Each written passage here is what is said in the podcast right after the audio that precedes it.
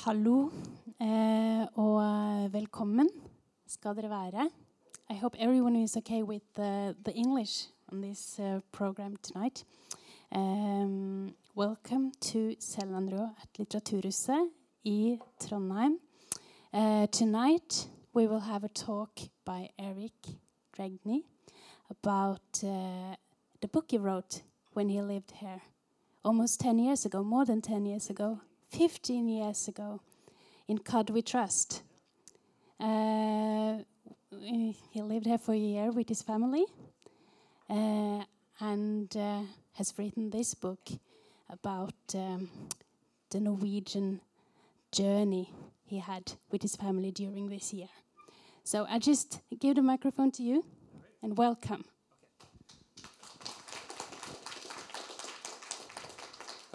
Thank you so much. I, I, it's, I'll, I hope my see my Norwegian is not so good because mostly because you darn Norwegians speak such good English.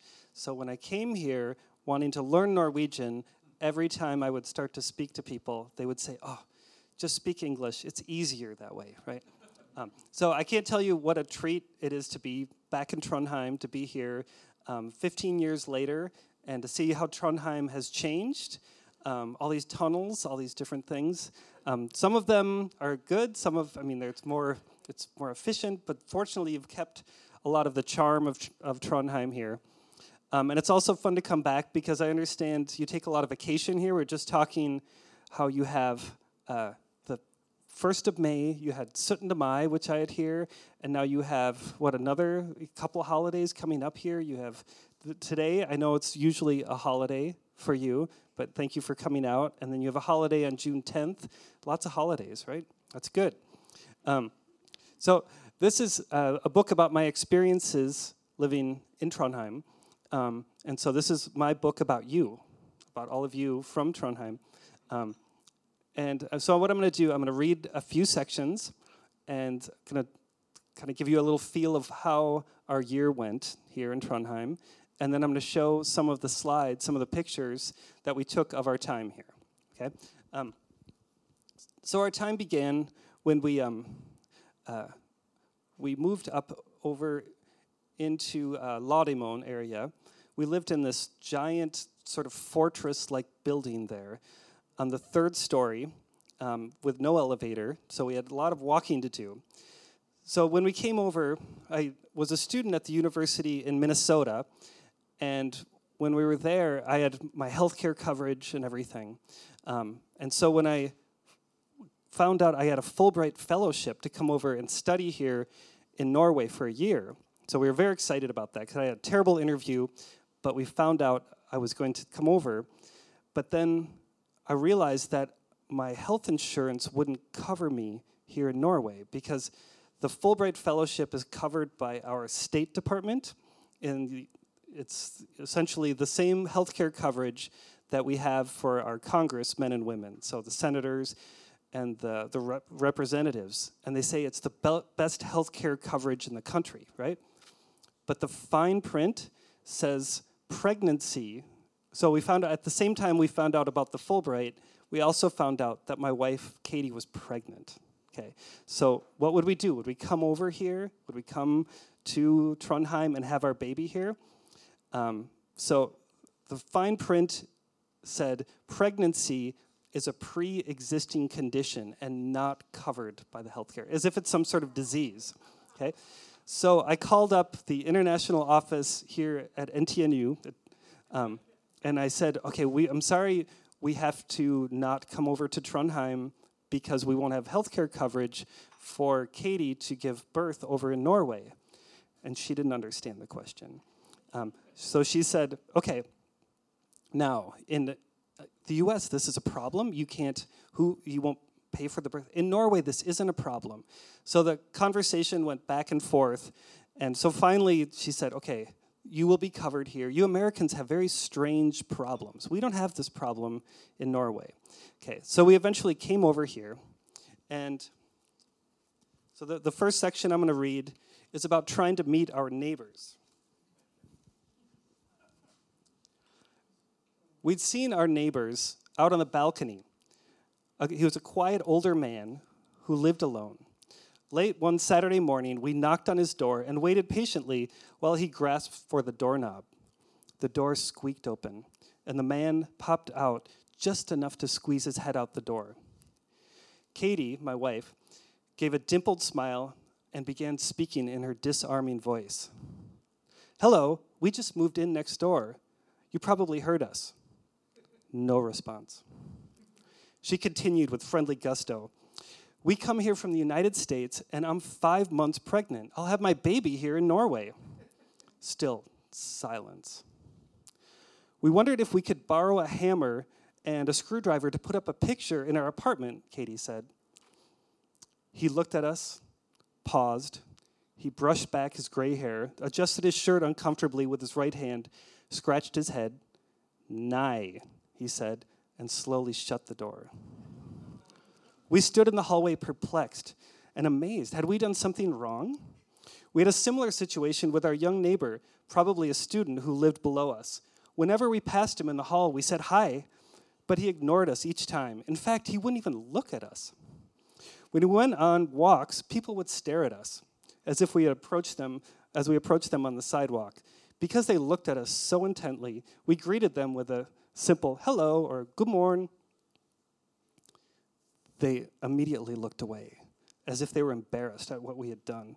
Okay, we looked, had we, you know, what had we done? Had we asked for cash or had we mooned them or something? What had we done? Norwegians on the street usually notice Katie's pregnant belly, and then some looked back at me with an approving smile, as if to say, Good job. Even then, though, they wouldn't greet us. Um, all of this, we had to deduce that we were being rude or we were breaking some sacred rule here. Then we met our friends Knut and Inger, and they told us that they, um, they were pregnant with a little baby as well, um, and they helped us out to understand our new adopted city of Trondheim. Knut was opening up a new world for me with his insight into Norwegian culture. I explained that this cold behavior of our neighbors to him, and Knut was not surprised. He said, You must understand Janteloven. This is the law of Jante, and this explains why Norwegians are so cold, he said. I failed to see how Janteloven has a connection between greeting a neighbor, and I encouraged, and encouraged some sort of superiority complex until he told me about this fictional town of Jante. Knut showed me a copy of the book, and I read, You who have grown up elsewhere cannot fully appreciate the inevitability of the Yante law. You will find it funny, and you will never know the deadly oppression of the working class youth in Yante. And I'm sure all of you are familiar with this, right? So, number one, the first rule is you shall not believe that you are something. Number two, you shall not believe that you are equal to anyone else, and on and on. You know these laws, right? Okay, for me, this was very strange. I took the, the law of Yante as a joke, a satire of little towns everywhere. The author, Sandemose, must have been bitter about his growing up in a small minded town that just didn't understand him. Perhaps this town of Yante was similar to Sinclair Lewis's backbiting town of Gopher Prairie in Minnesota, or Garrison Keillor's Lake Wobegon in Minnesota. Okay. Nevertheless, I often heard re- Norwegians referring to Janteloven as synonymous with being humble and therefore a positive attribute that they had in this egalitarian minded society. Um, let's see, where am I going here? Okay, one of my professors in Trondheim, an American, told me a Norwegian saying. He said, Don't go tramping in the salad, which means don't open your mouth and show how dumb you are, essentially, right? I found that Norwegians are very careful not to offend people. I told him about our neighbor closing his door on us, and the professor was shocked that someone had decided to take the law of Yante into his own hands, as though the neighbor was a social vigilante present, uh, preventing anyone from being outgoing. A Norwegian professor told me that in Norway, people don't ask, What do you do, like you Americans, because work isn't our life. Instead, we ask, Where are you from? as if that is the definition of who you are. Katie and I slowly learned how to properly strike up a conversation in our newly adopted town of Trondheim. We began with the fact that we're Minnesotans, which the Norwegians referred to as our colony in America. Then we were asked if we knew their relatives in our, some small town in Red Wing or Northfield. Sometimes they even suggested we look up their second cousin twice removed. Once the ice was broken further, after the commentary on the weather, of course, we found Norwegians to be grudgingly warm, like a glacier thawing into a slow moving mountain cream, stream. The challenge was to chip away at these layers of ice, as we found with our neighbors in our apartment building. Our neighbors did become more friendly with time. We, sub- we subdued our greetings as if not to frighten them and they furrowed their brows with a forcing, acknowledging smile when we passed. Our neighbor, who had refused to lend us a hammer, gave us a pleasant good dog and would almost, almost grin at us. Luckily, Katie and I had each other to talk to as we wondered if we had a mistake coming to this cold northern country. We could always return to Minnesota if our host didn't warm up or the impending weather cooled us too much. We hoped that by the time the snow flew in Trondheim, we'd progress beyond the small talk about the weather. The young neighbor downstairs still would pay no attention to us. One day, though, we saw him communicating in sign language with someone else. Of course, he was deaf. we, we still didn't understand why he wouldn't even say hi to us, though. Knut's friend Leif explained that he was from Sweden and didn't believe that Norwegians were so cold and just reserved, he said. Even so, he wanted to break this mold now that he was in Norway. He said, When I moved into my new apartment a few years ago, I thought I should be more like you Americans. He said he clenched his fist with conviction. Rather than waiting years to ever meet or to speak with my new neighbors, I'll just knock on the door and introduce myself. After a pause, I said, Well, what happened? Oh, I'm still thinking about it, he replied as he rubbed his chin. See, if I did ring their doorbell and told them I just moved in, they'd probably look at me and say, So? Um, so once we came here, we were a little shocked. Like, how do we meet these people? It was cold. We, you know, slowly made friends of friends. Um, and when we were we were trying to figure out our health care when we were here because rather important since Katie had to have her baby in a couple of months. So we came down here. We brought our little Barnavon down to downtown Trondheim here, and we went to the Trygdekontor. So right down the street, I don't remember which office here. Um, and so we were trying to register Katie for health care to cover the birth.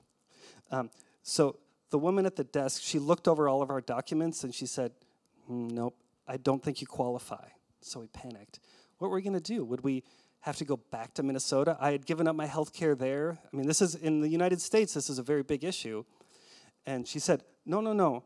The government shall pay for the birth. I just don't know if you're eligible for the extra maternity benefit. Okay, so I didn't know what she was talking about, but I looked through all of the documents there, and they said if Katie had been working for at least six months in Norway, she would get uh, 42 weeks off of work at full salary or 52 weeks off at 80% of her salary. And I know for you Norwegians, you think, well, of course. Now, when I read that to American audiences, they can't believe it. They just don't believe a word of that. Okay. Now, if the mother wasn't working in Norway, as was our case, she would receive a lump sum of $5,000 for this new baby. And I heard this has now gone up even more, so it's about $8,000 to have a baby in Norway. Now, five years, or no, now it's eight years ago, we had another baby in Minneapolis, my, my city, um, and the deductible on our insurance is $5,800. Okay, so it's exactly the opposite. We have to pay that until the insurance starts to pay. Okay, so that's more than a $10,000 difference. It's a huge, huge amount of money. So it's very expensive for families to have a baby. Now, I told our friend Rachel that we'd feel guilty about getting this benefit from the Norwegian government, but she said, Why should you feel guilty about receiving money from the government? It's our money after all, even you pay taxes here now. Everyone receives the child credit. After all, it's not really your money, it belongs to the baby, as if the baby's going to get paid. No wonder I'd overheard expatriates talking about having bargain babies in Norway. We soon realized why the Norwegian government helps families raise their children. The prices are astronomical. And this was back when the exchange rate was five kroner to the dollar. So was, everything was about three times more expensive than the United States. Um, so, baby bug, well, our friend Rachel then said, okay, baby buggies can cost $1,000 in Norway, but they'll last you a lifetime. So, why we would need a stroller to last our whole lifetime, I wasn't so sure. Um, we didn't need to spring for one of these Norwegian super strollers because we lugged a simple one from Minnesota. So, Norwegian prams, I learned, have rugged 8 inch wheels to climb over snowdrifts, complete coverage for the worst blizzard, and shock absorbers so the baby Viking won't feel a thing. Because these buggies are so big, a local cafe, Eriksen Konditori, which I understand is now closed, right? That's so sad. Okay. It announced it would no longer allow baby carriages inside the cafe. The sleeping children in their carriages just have to wait outside. Apparently, leaving bundled infants in strollers outside a store while shopping inside is common in Scandinavia. I told Sissel, my Norwegian teacher, that this would never happen in the US. Why, she asked. What are you so afraid of? In fact, a Danish woman was arrested in Manhattan the year before for trusting New Yorkers not to snatch her baby she left outside while she was inside a cafe. A big article in the New York Times. And for us, it's impossible. Why would you, you, would you leave your baby out on the sidewalk here? Never. Our friend Knut told me about a Norwegian woman who was used to the big city of Oslo and vacation in Lardal in the Sognefjord, where my great grandfather came from. He said the mother struggled to get the stroller up the little wooden steps through the doors of a store. She got strange looks from the locals. At last, one of the ladies in the store cried out in indignation We do not steal babies in Lardal. That baby can stay outside. now, all these stories stand in contrast to the big warning in bright orange on our American stroller never leave the child unattended, right? So in Norway, it's just common. You have to keep that baby outside. Okay. So not only did the Norwegian insurance system help make us financially solvent with this $5,000 to help raise our baby, it would automatically deposit about $150 into our bank account every month. Okay. Now, this money would be continued until he's 18 years of age. Now, I'm telling you this, and you all know this, okay? But for us, this was shocking. Um, when we moved back to Minnesota, the Norwegian government kept sending us money, kept putting money into our bank account. And so I had to write a letter to the Norwegian government because we weren't coming back soon, anytime soon. It's 15 years. Um, and I had to say, please stop sending us your money, right? But I think about it now, 15 years old and all of that money, wow, you know, that would have been pretty nice. So you have a pretty good system here. Um, so this is, you have an, there's an amazing system that we have a lot to learn from in the US. And I think a lot of it is this certain trust in government that you have here, that in the US we have this real, we're just not so sure our government is on our side, okay? Um, so the final section I'm going to read before I show some of the slides is all about uh, the fish here. Okay, yeah. Now, I found out that uh, okay in Minnesota we have lots of running jokes about lutefisk. Okay, now in Norway you didn't really have. I mean, it's not such a funny thing apparently. Okay, um, but in the U.S. it's a very funny thing. And before we came over, people said in Norway they don't eat lutefisk, and I found out that's not true. In the Midwest, where I come from, Minnesota, Wisconsin, we eat three to four times more lutefisk than you do. Okay, so it's taken on a life of its own. Okay, now, when I came here, though, people told me, well, lutefisk, yeah, that's okay, but rakfisk, that's the thing, right?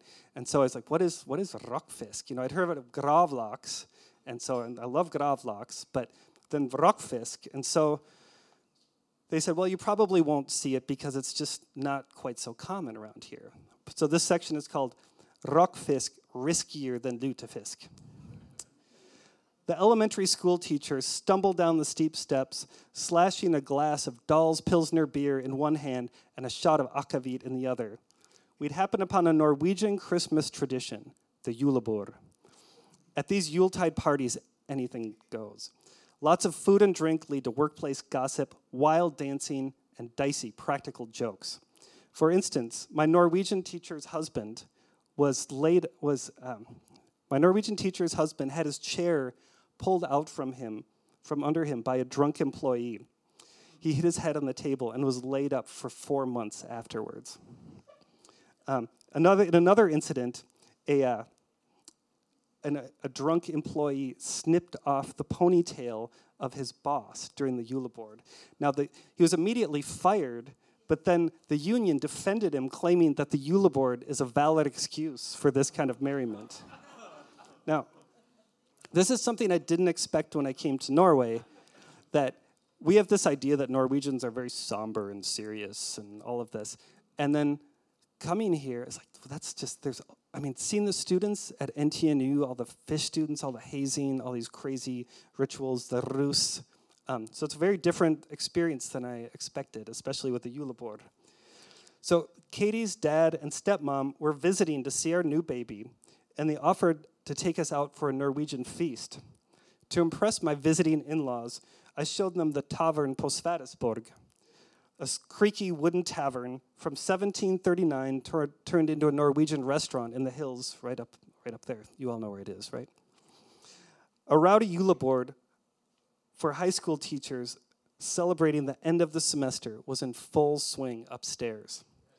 While waiting for our glasses of mulled wine, we watched one teacher slide down the wooden steps from the party upstairs. Incredibly, he held his his glass of beer and shot glass perfectly still as his feet hit the ground with a thud. He sipped his akavit nonchalantly. Now, here was a julebord pro. He sat down at our table, uninvited, and then he spat out in perfect English. This place used to be a horror house, you know. They moved it, they moved it up from the center of Trondheim. How do you do? My name is Oyvind. Some of his colleagues smoked outside and consoled one of the teachers in a, in a bright pink party dress who had broken down in tears in the courtyard outside. She wiped her running mascara on her sleeve, and soon her pink dress had zebra stripes all over it. Our new friend Oyvind shrugged off his crying colleague, saying that either a school romance had been uncovered or that someone had played a julebord joke on her. He then took it upon himself to lead us through the restaurant's limited menu of lutefisk. There was lutefisk reindeer heart. Do you actually eat that? Goodness. Pancakes, a EULA buffet, which was essentially just pulsa, and rakfisk. He insisted that I order the rakfisk with the ominous advice trust me. The waitress took the order with a suspicious grin. Then Oyvind explained my fate between sips of beer. He said, The fisherman would take a trout, uret, smother it in salt and sugar, and bury it underground for three to four months. As soon as the whole town stunk like rotting fish, the hungry villagers would simply follow their noses to the hidden treasure. He said, You must be careful not to touch the fish, or the bacteria from your hands can infect it. Ugh, I said. And you're not worried about all the bacteria in the ground? Uh, he wasn't worried about that. But he did say, just last week, five people up in Nord Trondelag had to go to the hospital because they made their own rakfisk. Do you say botulism in, in English? I then remembered that rakfisk was the one thing that our Jormor Sigrid out at an Orkanger told us that pregnant women should not eat. They could do whatever else they want, but rakfisk, probably not. Oyvind explained that his mother had made some rakfisk for their Christmas party next week. He said, she tried it out the day before. She called us every few hours to tell us she was okay.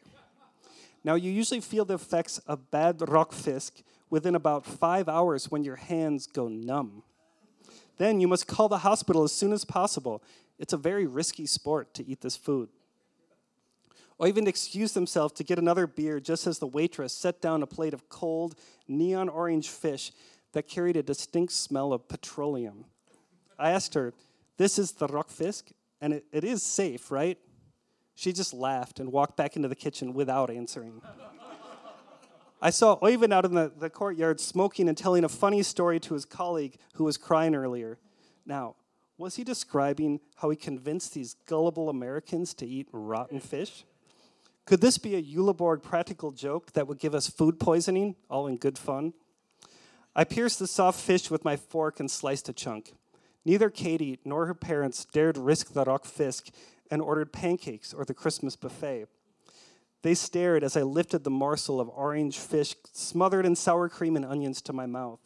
With Oyvind's, wor- Oyvind's words, trust me, running through my head, I chewed the succulent fish. The salty meat melted away in my mouth, and I was surprised at how good I found it to be. Would anyone else like to try some? Not a chance. I finished the whole plate of rakfisk with relish, but my stomach started to gurgle. I needed water, lots of water. When that didn't quench my thirst, I drank beer. Oyvind then came in from the courtyard to rescue me by insisting I guzzle a bit of 80 proof akavit. It's the water of life, he said. You really need to have it with rakfisk because it makes it much more edible and could even kill the bacteria if it's gone bad. It worked. My stomach stopped churning, or perhaps my senses were just numb from the liquor. I've been trying to be on good behavior for my in laws, but my speech started to slur. Oyvind smiled as he watched the akavit take effect. In spite of my slowed responses, I then knew I was the victim of a julebord prank of getting drunk in front of my in laws. I could do nothing about it as I tried to focus on Oyvind through my blurry vision and could only sip more akavit to suppress this dangerous dinner. All right, thank you. Okay. Um, so now I'm going to show some slides. Do we need to dim the lights or can you see it okay? Is it okay? All right. So before we came over, can you, can you see all right? Um, I wanted to find out what kind of place we were gonna, going to raise our new baby. Um, and my great grandfather came over in 1893 and he brought a, this old chest from and it's a very simple chest, but he had made all the latches since he was a blacksmith. Um, and inside there were a bunch of old photographs and postcards. And it didn't look like a particularly good place for children, um, not very uh, kid friendly. Norway, 110 years ago, was the poorest country in Europe, along with Portugal. Um, and so, of course, you know, since it's become one of the richest per capita, capita apart from the Vatican. So here, my great grandfather is. He came over at the age of 18. He was from the Lusterfjord, the Sogn in Sogn. Um, he never went back. He never saw his mother again. He came through Canada and right into Minnesota. He worked up in the lumber camps. And then he came down to Minneapolis and he met trouble a Swede. So theirs was a mixed marriage. Um, so this was the time, this was before Norway uh, seceded from the rest of Sweden. Um, so in Minneapolis, this was a problem, the Swedes and the Norwegians get, getting along.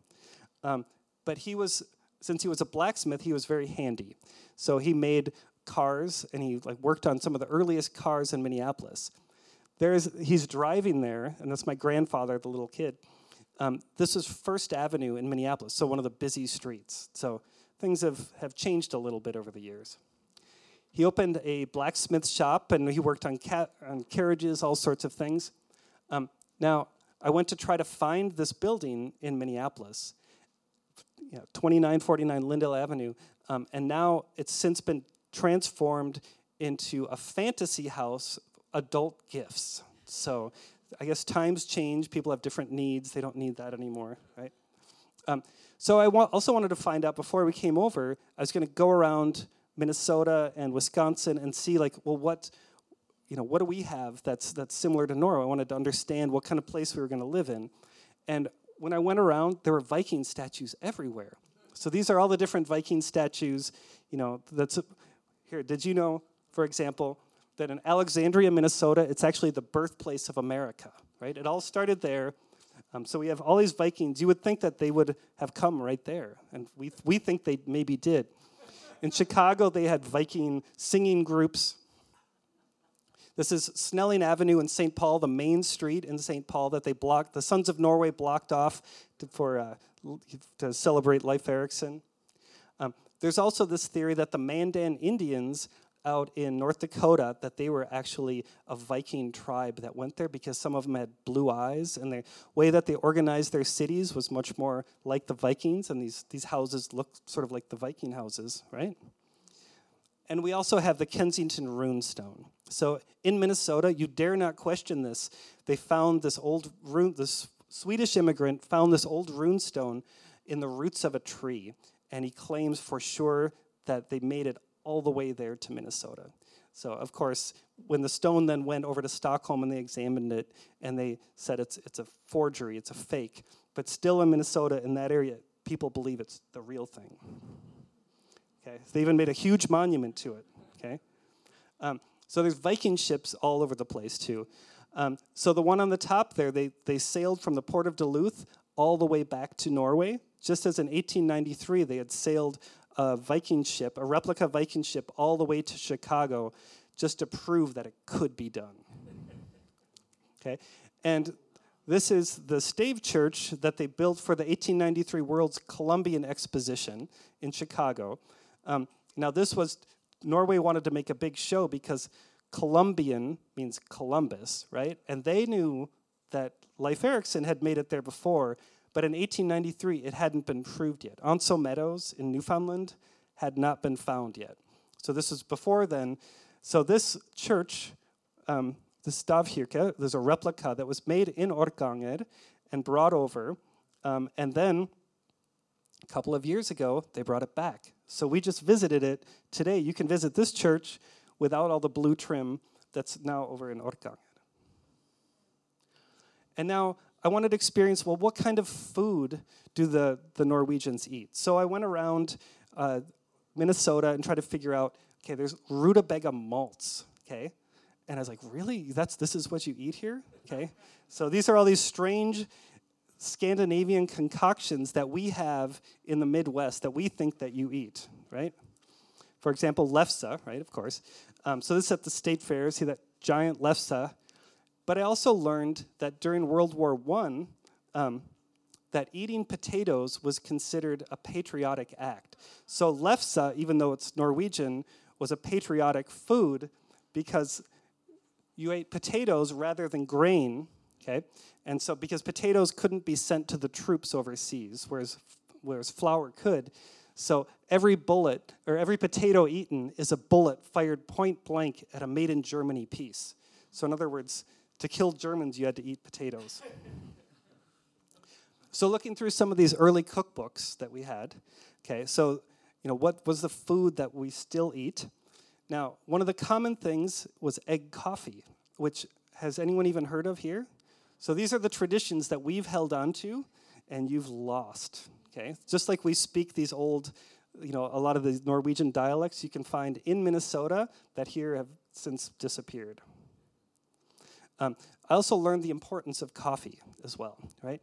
So this is on Washington Island up in Door County in Wisconsin. Um, they would have when the young, uh, when the tourists would come on the ferry across to here, they would have a young, two young women. There's a little door that opens up there, and the women would present coffee to them, okay? All the tourists, right? Because you have to have coffee. And I, I thought, well, isn't it mostly the French and the, the Italians with all their great cafes that drink the most coffee?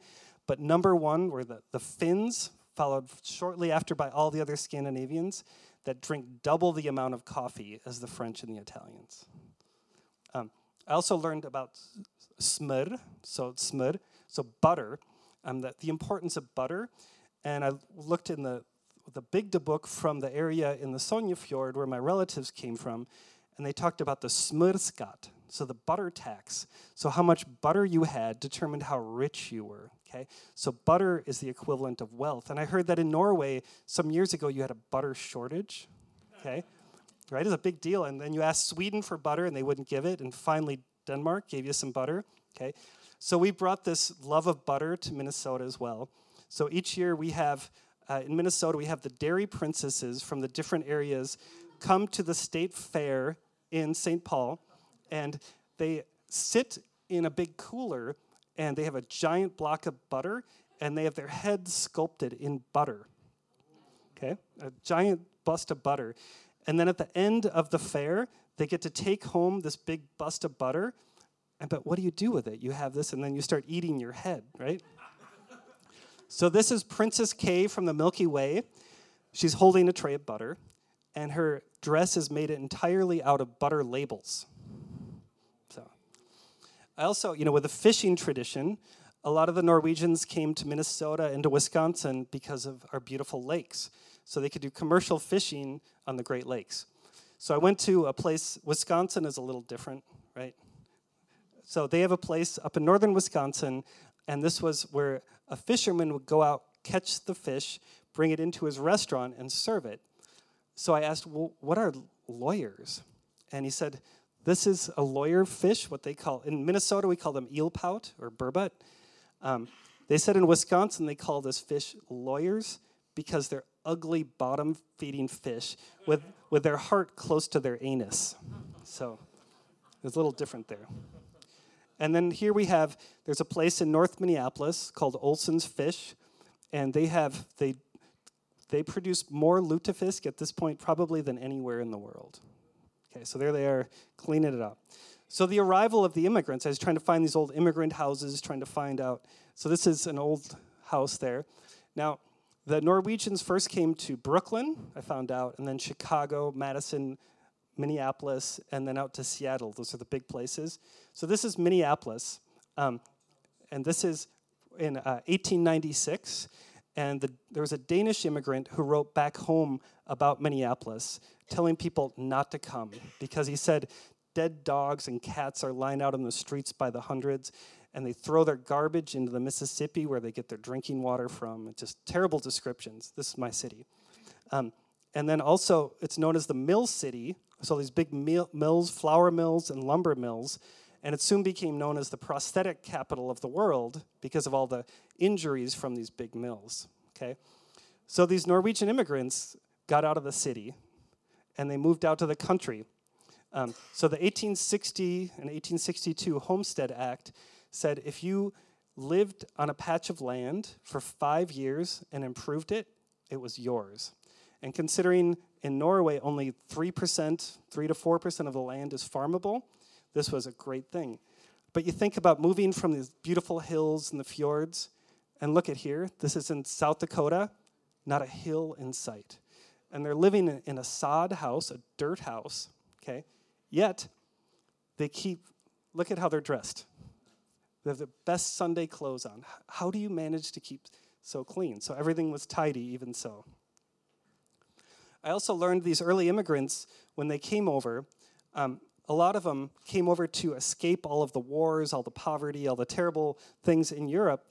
But as soon as World War I broke out, they, they didn't want to enlist. They didn't want to go back to Europe to fight. They, were, they got away from all of that.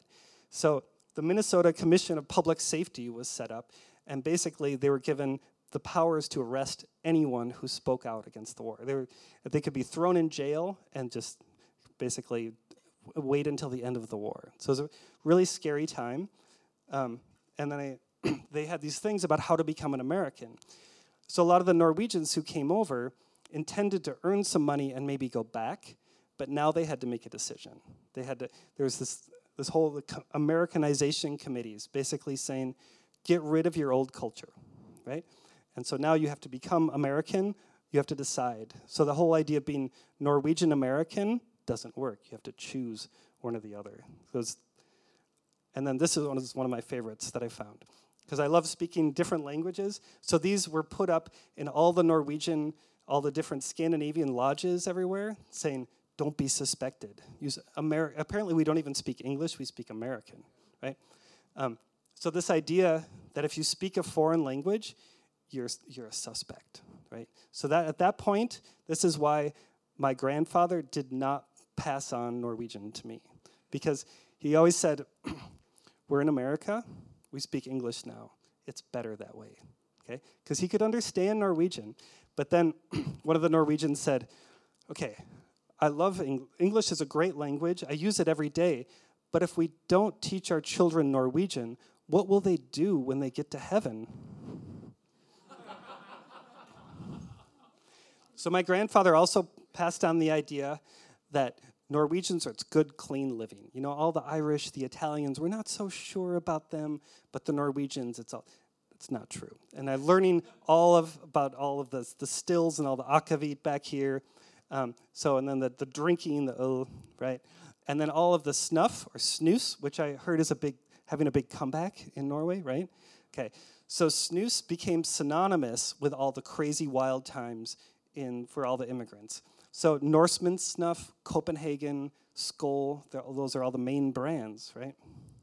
So in Minneapolis, we had Snoose Boulevard. This is Cedar and Riverside. So this is where all the bars were. Chicago had its Snus Avenue.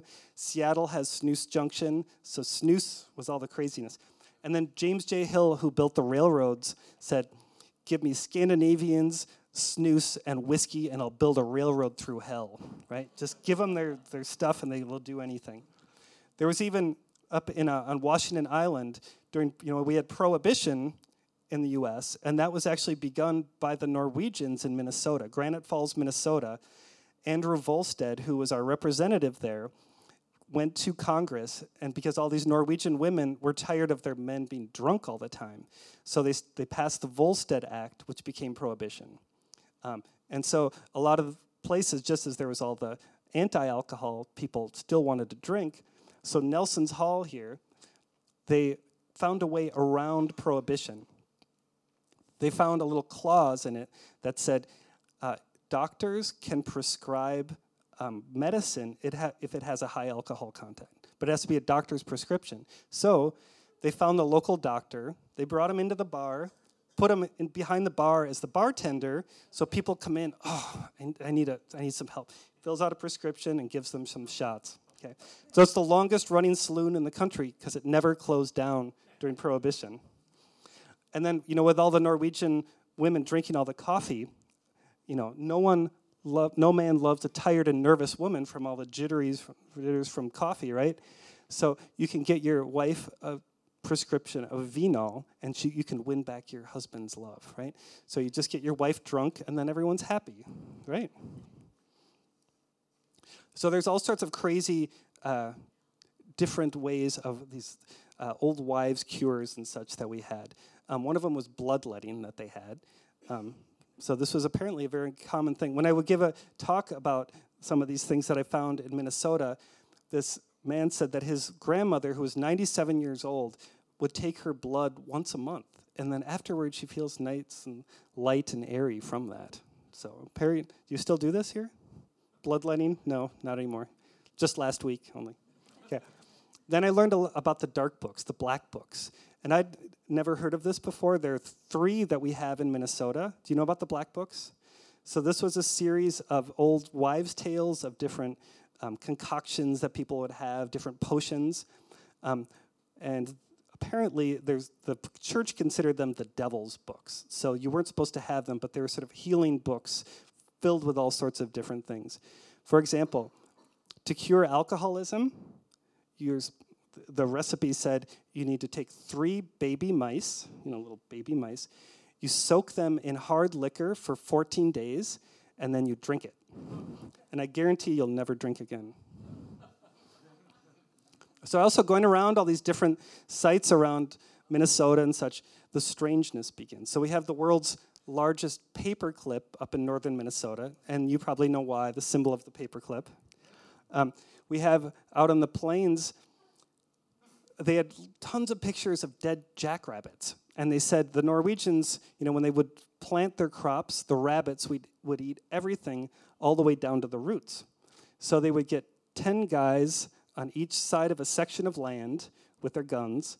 They'd walk to the middle, flush out all the jackrabbits, and shoot them all, put them in a car, drive around town, honk the horn, and sell them for a dollar each. Right? You have a nice rabbit dinner and a rabbit pelt. So this, this is what the Norwegians would do in Minnesota. They also would collect hair down through the family. This is before uh, family trees with pictures. So this is a family tree going back many, many generations of hair, right? Hair tree. Do you do that back here? No. Okay. Well, we the Norwegians did this in Minnesota. There was also in this one museum they had a double-decker toilet. Okay, and you see what it says there: Norwegians on the top, Swedes on the bottom. But there really were double decker toilets, actually, double decker outhouses, because when you get so much snow, then you can run up to the top there, right? Okay. I also learned about night courting. So this was among the lower classes in Norway and Sweden, and they brought apparently brought this tradition over to Minnesota and Sweden. or uh, Minnesota and Wisconsin. And what it was is the young people would have one night a week, Saturday night, to get together and talk and play music and you know laugh. And one thing would lead to another, and a baby would come along. And then that couple would sort of get married and they would go on with their lives. Now, in America at the time, it was sort of the Anglos who were there, the, the Brits, and they thought, oh, these Scandinavians, these dirty Scandinavians just breeding like rabbits. They don't know that's, that's not how you're supposed to do it. It's not proper. Um, and the Norwegians said, no, no, no. This is, this is much better than your British system, because the British system, you have them get married, and then you find out if they can have children, right? And it, what if they can't? And then they're sort of destitute, they're stuck together. Whereas the Norwegian system, it's much better because you know then they could have kids and you know they go on with their lives and they're good breeders and you know who's, who's none the wiser. And of course now you've taken it a step further here with samboer and all that, right? Okay, and then we're so proud of our Nordic heritage that we even have Nordic waste there. Okay, so this is a little bit of my looking into what it was like in Minnesota, and then I came to this place. So there's all these fish houses and such, trying to figure out what do we what do we have here? What kind of place is this? Okay, I went. Our landlord. I went around town, and we saw these these posters, and I was like, "What on earth is this?" And I thought, "Wow." Our landlord said those Swedish colors. That's bad for Norway. It's bad for Norway. He didn't want us to shop at IKEA. Um, and so I saw someone had graffitied all of these around town. But then I looked closely, this was actually their advertising campaign. Um, so I called up the office of IKEA in Oslo and I said, do you, do you understand what this means in English? And they said, Oh, yeah, you know, do it yourself, screw it in yourself, screw yourself. Okay. The Swedes, I don't know. And then our little trouble came along. So we named this little guy after my great grandfather who came over. So little little Aleph. And things took a different turn. It was all about the baby everywhere. Changes things, full time job. He made friends as well. Um, and then here he is on the right, reaching out to our friend Knut and Inger's little daughter. He's reaching out there, trying to share the love. um, and so then soon we became Norwegian too. So we thought, well, what kind of place are we going to live in? We thought, well, we'd seen these pictures of these fjords and these grass roof hutte, but we lived over on Thomas von Westensgate in this giant bunker with a, we just had a view of the cemetery there. It's like, that's not very cheery. So we, we did these uh, photos up at Sverresborg and we sent them home, and people thought, oh, good, they're fitting right in, as if this is what you wear all the time here, right? yeah. So then Katie's there on a spark. But we also had problems because we lived in Lademoen. We'd come down here and no one shovels and no one, the walks were all slippery. We'd slide all over the place. Um, and then we'd see these little old ladies go by on a spark, and then they would have spikes on the bottom of their shoes, and they could stop on a dime. And then when they get downtown here, the, the sidewalks are heated, and they would have wheels that would they could use as a little shopping cart down here. So that, that's smart. Um, we also went out skiing a little bit, um, and this we had a baby who did not want to sleep, but we took that advice that your baby wants to stay outside in the cold, um, and they hooked me up with this this pulk here, and this is a baby who would not sleep. So here he is. This is looking down in there, and that's his smokk there, his little his pacifier, um, and he slept for three hours straight. But we soon learned the most important part about skiing is the after ski. So this is where the Norwegians were for their mulled wine and their vafler. But we wanted to be more like the Vikings, and so we headed up the Sognefjord. So my parents lived all the way, or my great grandparents lived all the way at the very end, 127 miles up there. Um, and we along the way we found here you also have cheesy Viking things, just like we do back in Minnesota. Is the Viking Hotel and all this. But we found, my last name is Dregni, which is a fairly unusual name even here, but we found the town of Dregni, Dragni. Um, and we met someone there who, with the same last name, we sat down at a table. He brought out some blueberry pie and coffee. and he laid out the map of the farmstead, and he said, "Oh, his relatives came from the main house there, and my relatives came from that little shack down by the river." Right? So here we are, a hundred years later, and still there's a class difference, right? Because I realized too that he was maybe worried that we were coming back to lay claim to it too. like I hadn't even thought of that, right? Um, but we had our comeuppance because we had we learned about Dragni Syltetøy in Saft, which is very famous in the area.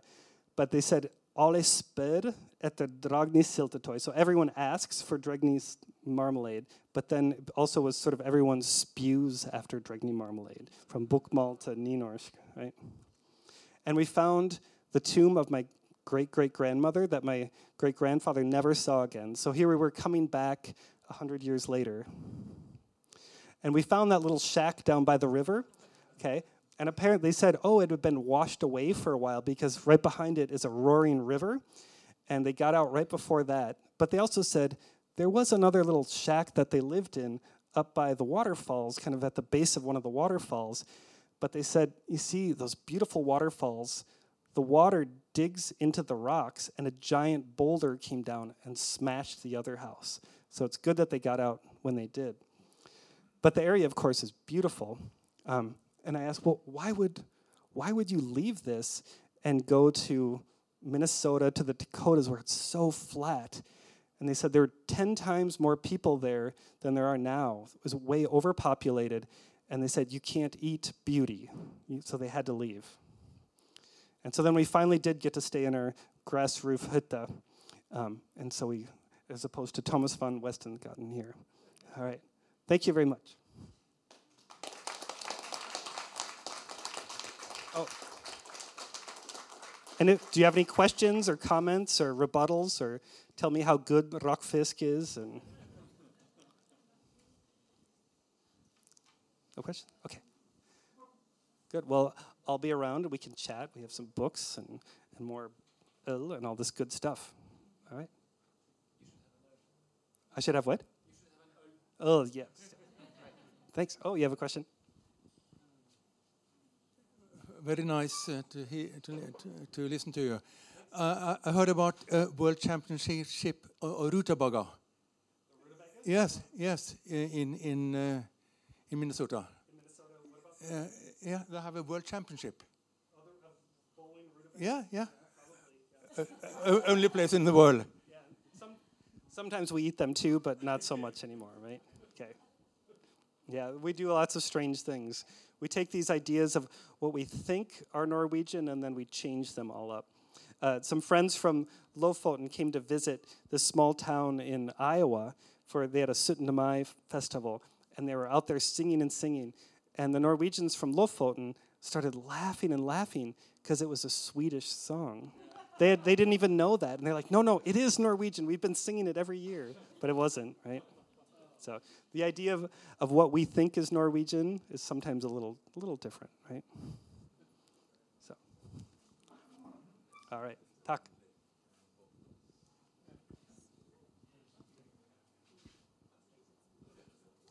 Okay, thank you so much for coming. Uh, and uh, thank you to the audience. And I understand that you have some books with you, both this book and other books yeah. that Eric Dregni has written. You can have a look at them or buy them. And please stay and have another drink if you want to.